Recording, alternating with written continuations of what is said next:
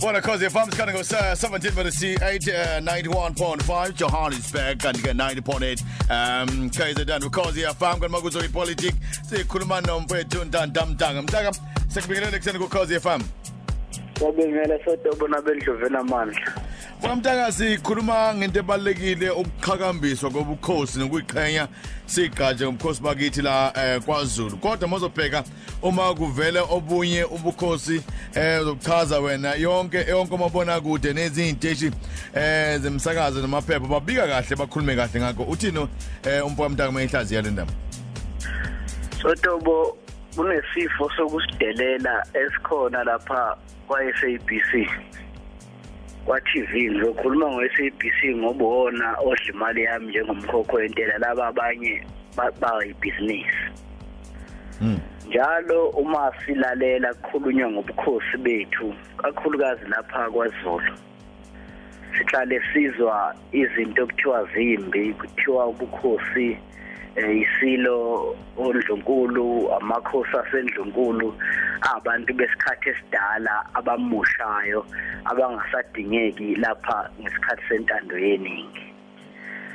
Siyamangala ke sodobo ngoba lokho abagcini ngokukhuluma noma baveze umbono njalo abezi ngisho ezintweni zesizwe bayikhiphe. Thina bantu bakwaZulu lawona baseningizimu Afrika esikhokha intela sikhokhelwe SABC kodwa kuthi uma sekuvela noma sekuba khona imishado yamangisi bese sifundekelwa insuku zaphuma ngale mishado yamangisi uSABC uzube nosuku lonke usitshengisa izingane zamangisi ukugqoka kwamangisi isiko lamangisi indlovukazi yamangisi nobunebunebu bamangisi. Kepha uma sekufike ezintweni zethu bangakuvezi lokho.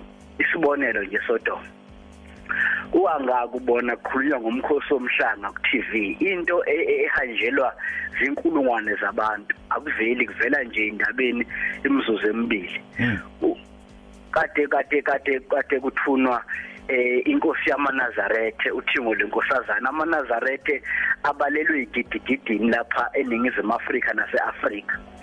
Kepha sibone nje umzuzu owodwa kuvele endabeni eh umfihlo wenkosi yamaNazaretha umuntu ohlonipheke kangaka.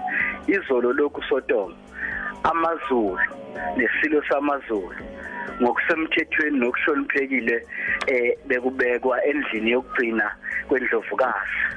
Uthomozile wamazulu akuvelanga kuvele nje umzuzu owodwa eindabeni umbuzo uthi kanti iSABC nje obidla imali yethu nje singamazulu singama singabantu baseningizimu Afrika ubani lo enendaba naye? Inaka mangisi abelungu namasikabo noma nathi njengabakhokhi bentela sinelungelo. Yiko ngisesifikile isikhathi. Uma siyiyeka manje ngeke iphinde kuyeke lokusidelela ekwenzayo ukuthi ingayivezi into zethu iveze nje kudlulwa kuba umzuzu wodwa kodwa uma kungabelungu labaphesheya sisifundekelwe insuku zaphuma. Hmm. Mbamntanga thambela ke lokugcina uthini uma mhlambe ngiyakuza ukukhuluma ekhulaza ngeSABC eh nabe indathela njalo njalo lonke ama front pages namaphepha eh bekuvelile eh ukuthi umshado uhambe kanjani waqhutsheka eh mhlambe ukuya phezulu ukuyiqhenya nokuyigqaja eh mukhosi bakithi yini efanele yenzeke la umbono wakho? Cha ngikhuluma nje kakhulu angilungisele udaba ngikhuluma ngo-SABC ngoba iwona odla imali yami yentela. Laba abanye abayidla imali yami ngikhuluma nalabo abayibondlewa yimi. Kodwa ke nabo labo eh bamaphepha ngiyakhala kulaba abangama Afrika ukuthi asisho ukuthi ubukhosi bethu noma ubuzwe bethu abunazi ingqinamba kepha indlela ababhala ngayo uma kuyithi kuyamangaza isibonelo nje sodoma lo yamshado wamangisi udle amangisi u700 million lo yamshado nje uwodwa. Akekho okhuluma ngalokho. Uyothi uma kuthiwa bekwenziwa itshe lendlovukazi kuthiwa kunikwe inkulungwane ezilishumi usuyozwa wonke umuntu esebhala ngalokho. Abasho lutho ngamangisi enza into yawo. Namangisi futhi angumagxeki sodobo yiko ngithi ngixeka thina. Sure. Bantu baseningizimu Afrika esinaka esithanda indaba zakweminye imizi lezi ezethu siyingcolise siyingcolise. Banamaphutha abo nabo kodwa uma siwa bhokisa la ku SABC ku TV abangazi ukuthi abanamaphutha. Mase kufika kuthina bese abaholi bethu beshawa yiko ngithi sesifikile isikhathi isikhathi sokuthi njengabakhokhi bentela sisho ku-SABC ukuthi hayi phezulu kwegama lethu nidelele eh, ubukhosi bethu kodwa mase kufika kwabanye bese niyabaqhakambisa. Mntaka sabona ube nathi kuseni ku Cause FM mfaka mntaka kuseni eh wengabadi group